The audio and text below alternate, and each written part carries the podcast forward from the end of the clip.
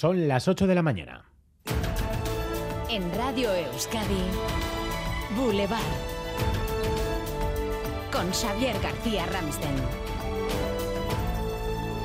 Egunon, Donald Trump se ha convertido esta madrugada en el primer expresidente de Estados Unidos declarado culpable, en este caso por un caso de abuso sexual. Su abogado anuncia recurso y él dice Sentir vergüenza. Oscar Pérez. Donald Trump ha sido acusado de abusos sexuales por cerca de 30 mujeres en las últimas décadas. Solo una, la escritora Jean Carroll, ha conseguido que su denuncia llegue a juicio. Ahora ha llegado también la condena en un proceso civil que considera que Trump abusó de ella en el probador de una tienda de lujo en Manhattan. El expresidente anuncia recurso. I don't even know who this woman is. This is another scam. It's a political witch hunt.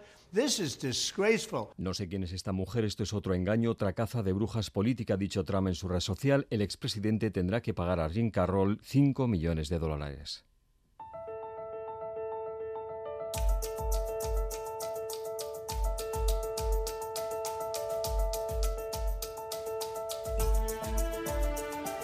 Mañana por la noche arranca la campaña electoral y dentro de una hora en Boulevard nos vamos a preguntar por el fantasma que más preocupa a los partidos, la abstención. No voy a votar. Y ahora como está todo, el tema menos. Paso total. Por supuesto que no.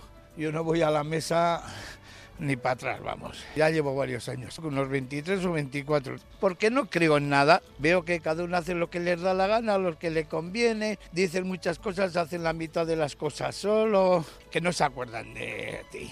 Tenía pensado votar, pero el problema es que tengo que informarme un poco. No le doy mucha importancia, pero sí, o sea, sí que quiero votar.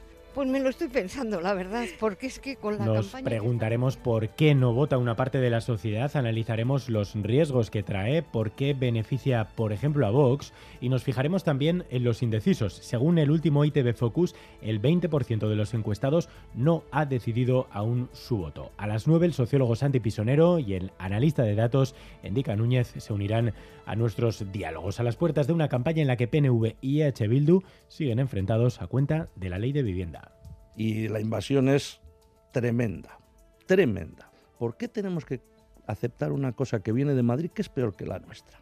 Para, mí es inexplicable, de verdad. O sea, desde un punto de vista nacional, catalán o vasco, esta es una de las agresiones más serias de los últimos 40 años. Parece que repetir las falsedades da ventajas a quien lo hace. La ley de vivienda no invade competencias, es una ley habilitante que da oportunidades a las comunidades autónomas y a los ayuntamientos para poder desarrollar las políticas públicas en favor de una vivienda digna. Haría mejor en decir exactamente dónde invade competencias porque todavía no lo han hecho. Aquí en Boulevard, en Radio Euskadi, Antonio Ortuzar aseguraba ayer que H. Bildu quiere suplantar al PNV. El pacto PNV-PS es estable, decía el líder Gelchale, aunque se preguntaba si en Eco Andueza, un poco disco lo decía, cogerá su llamada después de las elecciones.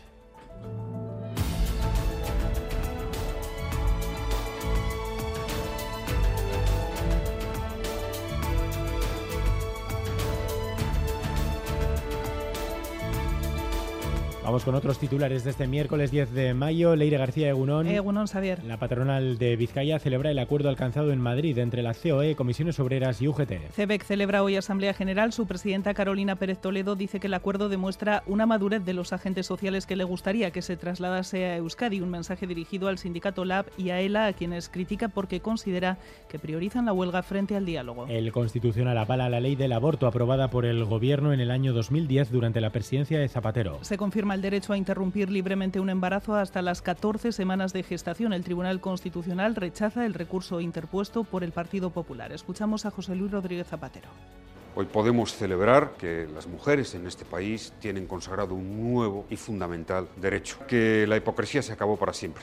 Y hoy celebramos que nuestra ley respondiera a la necesidad histórica como especialmente quieren las mujeres de este país. Según adelantado ITV, hoy está previsto que declare ante el juez la jugadora del club a la vez de baloncesto Toju que ha denunciado a su exentrenador por agresión sexual. Según recoge la denuncia, los hechos ocurrieron durante la temporada 2021-2022 cuando la joven era menor de edad. Actualmente ni ella ni el presunto agresor están en ese equipo. Él ha sido apartado de sus funciones como técnico en un equipo femenino de las categorías inferiores del Vasconia. Y finaliza el conflicto en Vizcaibus tras el acuerdo con la empresa responsable de las líneas del Chorier. Se ha desconvocado la huelga prevista para hoy. Bectalia Chorierri era la única empresa que presta servicio a Vizcaibus en la que se mantenían las movilizaciones. Han convocado una asamblea para mañana jueves en la que se abordarán los avances acordados.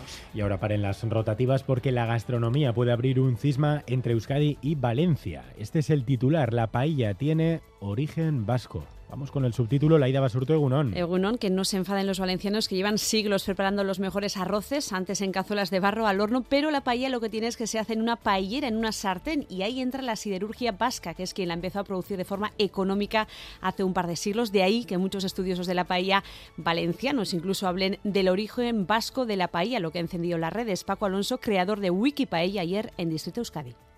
Los vascos teníais paellas a nivel de usuario en casi todas las casas, en casi todas las familias, mucho antes que los valencianos. Y otro dato, el primer concurso de paellas del mundo es el de Aixerrota de Guecho y la primera receta de paella también es vasca.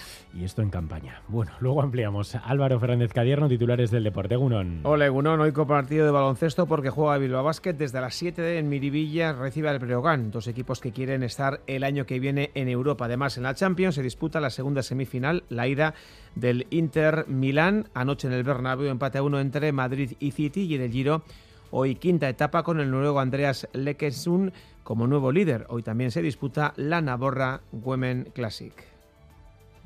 Boulevard. Lural de Bus nos ofrece la información del tiempo. Lural de Bus, a donde vayas, vamos contigo. Euskalmete, Busquiña y Turrio, Cegunón. Egunon, hoy seguiremos con viento del noroeste y con ambiente fresco, con temperaturas en general por debajo de los 20 grados. La nubosidad será abundante, especialmente en la vertiente cantábrica, y se producirán algunos chubascos ocasionales. Los chubascos afectarán principalmente a la vertiente cantábrica y se acumulará más cantidad en el nordeste. En la mitad sur no se descarta que se pueda escapar alguna gota, pero será más difícil que llueva. La nubosidad estará en algunas ocasiones rotas, serán alternando nubarrones y algunos claros. Y cuanto más hacia el sur, el ambiente será más claro. 14 grados en Bayona, 13 en Donostia, 12 en Bilbao, 9 en Iruña, 8 en Gasteiz y 13 en Donostia. Egunon, en Orio, 13 grados, tiempo desapacible y se avecina agua. arte Agur. Egunon, Oñati, 11 grados. Lloviendo algo. Agur. Aupa, Egunon, se está a 14 grados. Venga, Agur. Egunon, gaur irunen, amai grado. En los arcos tenemos 10 grados. Aupa, agur. Egunon, gaur zarautzen amairu gradu. Ondo izan, aio.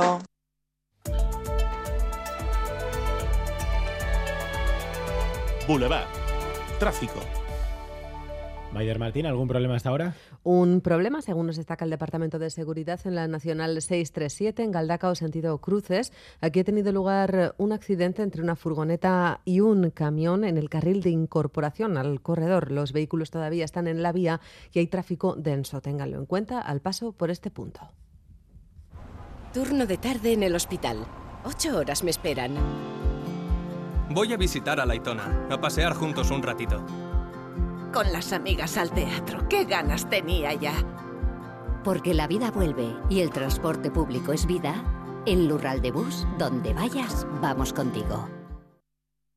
Ayúdanos a mejorar nuestra información con tus comentarios, fotos y vídeos. Envíalos al WhatsApp de Radio Euskadi 688 840 840.